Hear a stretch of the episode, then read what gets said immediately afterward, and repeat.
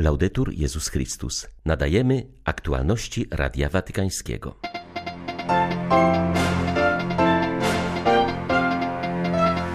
Jedynym rozsądnym wyjściem jest zatrzymanie się i negocjacje, mówił Franciszek na Anioł Pański, zapewniając o modlitwie za atakowaną i umęczoną Ukrainę. Dobiega końca jubileuszowy rok ignacjański. W Polsce przebiegał pod znakiem pomocy uchodźcom z Ukrainy, w którą jezuici aktywnie się włączają. W Indiach otwarto Muzeum księdza Adama Wiśniewskiego. Ten palotyn i lekarz poświęcił swe życie służbie trendowatym. Jego dzieło w Dziwodaja jest kontynuowane dzięki pomocy Polaków. 31 lipca witają Państwa Beata Zajączkowska i Łukasz Sośniak. Zapraszamy na serwis informacyjny. Dobra materialne mogą stać się bożkiem, zamiast się nimi posługiwać, zaczynamy im służyć. Dlatego Jezus przestrzega przed chciwością, w mocnych słowach podkreśla, że bałwochwalstwo to poważna obraza Boga. Ojciec Święty mówił o tym w rozważaniu przed modlitwą Anioł Pański, odnosząc się do częstej życiowej sytuacji opisanej w dzisiejszej Ewangelii, gdy dwóch braci nie może dogadać się w sprawie spadku. Papież zauważa, że podobne problemy są wśród nas na porządku dziennym. W wielu rodzinach trwają zacięte spory z powodu pieniędzy, wiele osób przestaje ze sobą rozmawiać, zrywa relacje. Dlatego Jezus mówi jasno: strzeżcie się wszelkiej chciwości, czyli niepohamowanej rządzy posiadania prowadzącej do uzależnienia. Zwłaszcza ten, kto ma wiele, nigdy nie jest zaspokojony, zawsze chce więcej i tylko dla siebie. W ten sposób przestaje być wolny, przywiązuje się, zostaje niewolnikiem tego, co paradoksalnie miało dawać mu wolność i radość. Zamiast posługiwać się pieniędzmi, staje się ich sługą. Chciwość jest również niebezpieczną chorobą dla społeczeństwa. Z jej powodu doszliśmy dziś do wielu paradoksów do niesprawiedliwości, jakiej nie było nigdy w dziejach, gdzie niewielu ma niemal wszystko, a liczni nie mają prawie nic. Pomyślmy choćby o wojnach i konfliktach. Prawie zawsze w grę wchodzi rządza zasobów i bogactwa. Jak wiele interesów kryje się za wojną, z pewnością jednym z nich jest handel bronią. Papież przestrzegł, że chciwość nie jest jedynie cechą bogaczy, nie rodzi się wyłącznie w zamożnych państwach. To cecha, która swój początek ma w sercu człowieka. Spróbujmy zatem postawić sobie pytanie, jak to jest z moim oderwaniem od dóbr, czy narzekam na to, czego mi brakuje, czy też potrafię być zadowolony z tego, co mam? Czy jestem kuszony, aby dla pieniędzy poświęcić relacje i czas dla innych? Czy zdarza mi się poświęcenie na ołtarzu chciwości, praworządności i uczciwości? Mówię ołtarz, ponieważ dobra materialne mogą stać się bałwochwalczym kultem. Możemy zatem pomyśleć, czy nie można pragnąć bycia bogatym. Oczywiście, że można. Dobrze jest być bogatym, ale bogatym jak Bóg. On jest bogatszy niż wszyscy, jest bogaty we współczucie i miłosierdzie. Jego bogactwo nikogo nie zubaża, nie powoduje kłótni i podziałów. Jest to bogactwo, które Bóg uwielbia rozdawać, dzielić się. Zadajmy więc sobie pytanie, jak chcę się wzbogacić? Według Boga czy według mojej chciwości? Ojciec Święty podziękował za modlitwy, którymi wierni towarzyszyli mu podczas jego pokutnej podróży do Kanady. Zapowiedział, że refleksją nad tą pielgrzymką podzieli się podczas audiencji środowej. Wyznał też, że nie przestał modlić się za Ukrainę. Nawet podczas tej podróży nie przestawałem się modlić za naród ukraiński, atakowany i umęczony, prosząc Boga, by uwolnił go z plagi wojny. Gdyby obiektywnie spojrzeć na rzeczywistość, biorąc pod uwagę szkody, jakie każdego dnia wojna przynosi tej ludności, ale i całemu światu, jedynym rozsądnym wyjściem byłoby zatrzymanie się i negocjacje. Niech mądrość zainspiruje do konkretnych działań na rzecz pokoju. Niedziela rozpoczęła się na Ukrainie od najsilniejszego od wybuchu wojny ostrzału rakietowego Mikołajewa.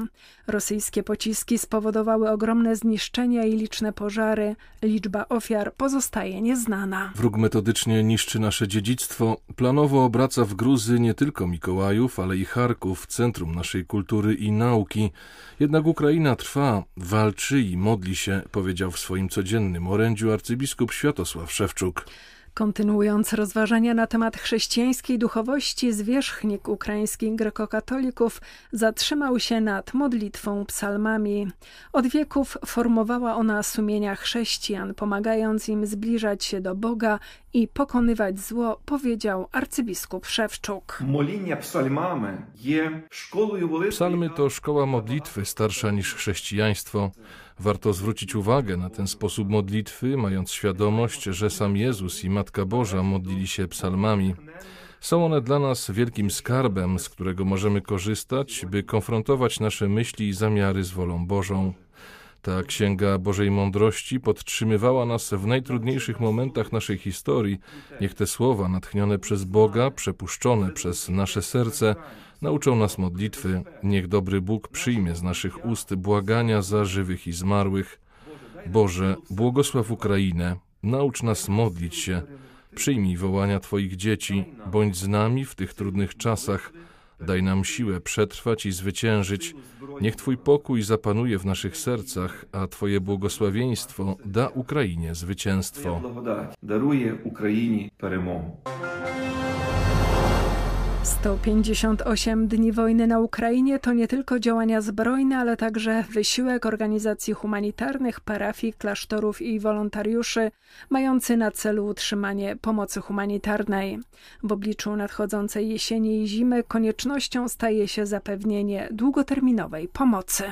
Od początku wojny na Ukrainie trwa nieprzerwanie pomoc humanitarna. Wysyłana jest żywność, środki higieniczne, zaopatrzenie medyczne, leki, wózki inwalidzkie, generatory prądu, środki transportu. Brak perspektywy na szybkie zakończenie wojny to wielkie wyzwanie dla organizacji humanitarnych. Tej żywności potrzebują mieszkańcy tych miejscowości, gdzie dokonują się bombardowania. Mówi metropolita lwowski, arcybiskup Mieczysław Mokrzycki. Na pewno ta pomoc humanitarna będzie bardzo potrzebna, kiedy przyjdzie jesień, kiedy przyjdzie zima, i tutaj musimy się na ten trudny okres zabezpieczyć. I dlatego będziemy w dalszym ciągu bardzo wdzięczni za każdy gest solidarności.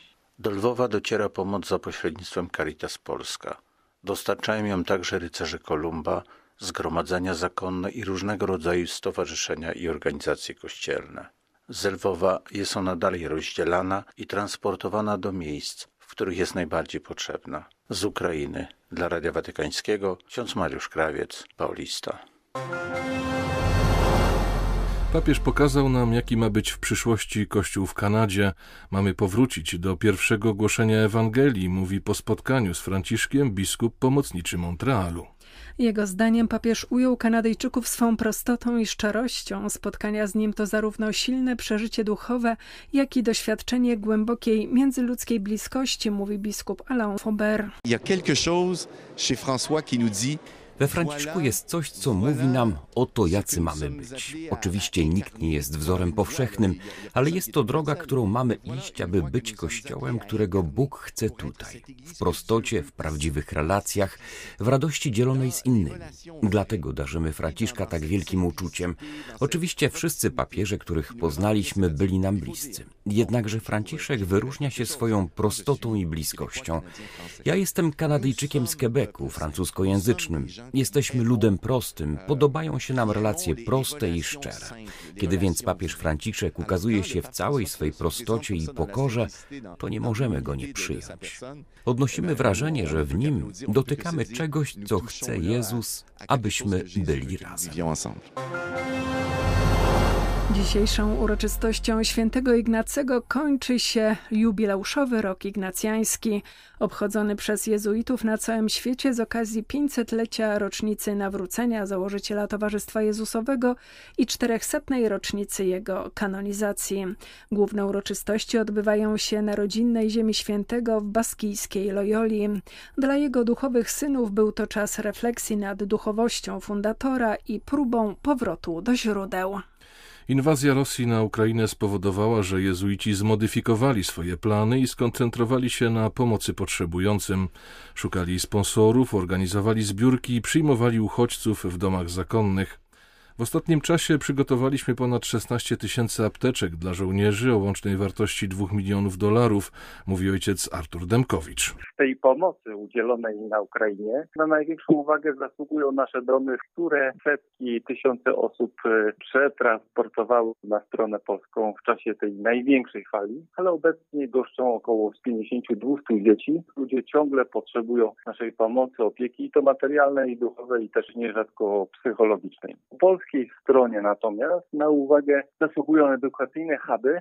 To są takie miejsca dziennego pobytu dzieci, gdzie po prostu około 150-200 dzieci korzysta. Są tam dożywiane, są tam różne programy, mają dostęp do komputera, mają dostęp do różnych kursów i też w weekendy staramy się robić kursy języka polskiego dla matek tych dzieci, bo to jest bardzo ważne, żeby się tutaj zaklimatyzowały, żeby się tutaj dobrze czuły i też, żeby zdobyły sobie pracę, jakieś zajęcia. A teraz najbardziej koncentrujemy się raczej na pomocy medycznej, bo ciągle wiemy, że tego jest za mało, zwłaszcza w tych e, wschodnich terenach, gdzie ludzie są ciągle narażeni na postrzały. W Indiach otwarto Muzeum księdza Adama Wiśniewskiego. Był on polskim pallotynem i lekarzem, który wstrząśnięty tragicznym losem trędowatych żyjących w tym kraju otworzył dla ich dzieci ośrodek rehabilitacji, który stał się dla nich bezpiecznym domem. Miały tam opiekę medyczną i szansę na zdobycie wykształcenia, a co za tym idzie, godnego życia. Dziś mija 35 lat od śmierci tego ojca trędowatych. Ksiądz Wiśniewski spędził wśród osób dotkniętych trądem 26 lat. Został pochowany przy kościele w ośrodku Dziwodaja, który założył i który działa po dziś dzięki pomocy płynącej z Polski. Muzeum to pomysł jednego z wychowanków. Mój tata pamięta ksiądz Adama jako człowiek, który lubi dyscyplinę, człowiek, który lubi porządek i właśnie człowiek, który lubił mieć dobry kontakt z dziećmi. Chodzić z dziećmi, nauczyć ich coś dobrego. Widział, jak on zmienił patrunki, i miał dobre relacje z ludźmi. Dlatego my chcemy tu muzeum, żebyśmy my i nawet nasze dzieci i następne pokolenie w Dziewodach, ktokolwiek tu będzie mieszkał, żebyśmy pamiętali, że był taki człowiek, który otworzył taki po prostu serce dla tych ludzi, którzy potrzebowali pomocy. Po śmierci księdza Wiśniewskiego kierowanie ośrodkiem przejęła dr Helena Pys. Lekarka z Instytutu Prymasa Wyszyńskiego podkreśla, że prorocze było to, iż założyciel pokazał trendowatym, że są ważni i potrzebni. Przy wciąż panującym odrzuceniu społecznym i wykluczeniu trendowatych jest to nadal ważne, mówi dr Pys. Dla młodego trendowatego chłopca fakt, że biały człowiek, wielki doktor, sam własnoręcznie mył mu nogi w miednicy ze środkiem dezynfekującym, opatrywał rany. To był zupełny szok. W kraju, gdzie każdy ma przypisaną przez swoją pozycję społeczną rolę do spełnienia, to rzecz niesłychana. Dotykanie cudzych stóp jest zagwarantowane dla konkretnej kasty, zarówno ich pielęgnacja, jak i na przykład szycie butów. A tu nagle taki uczony, ważny kapłan, doktor pełni taką niską posługę. Dla księdza Adama Wiśniewskiego pierwszym krokiem posługi było być z człowiekiem dotkniętym trądem. Być we wszystkim, zamieszkać razem, tworzyć wspólnie codzienność i świętować, pracować razem, modlić się i stworzyć z nim prawdziwą wspólnotę. To miało wynagradzać odrzucenie, którego trędowaci doznają na każdym kroku. I drugie, co dla księdza Adama było równie ważne, to pokazać, że człowiek trądowaty też jest potrzebny. To właśnie okazało się najbardziej prorocze. Coraz więcej odwiedzających nas widzi, że trąd jest wyleczalny, nie jest przekleństwem. A u początku zmiany tego myślenia stoi właśnie ksiądz Adam i jego pragnienie dania trędowatym nowego, godnego życia w społeczeństwie. Były to aktualności Radia Watykańskiego. Laudetur Jezus Chrystus.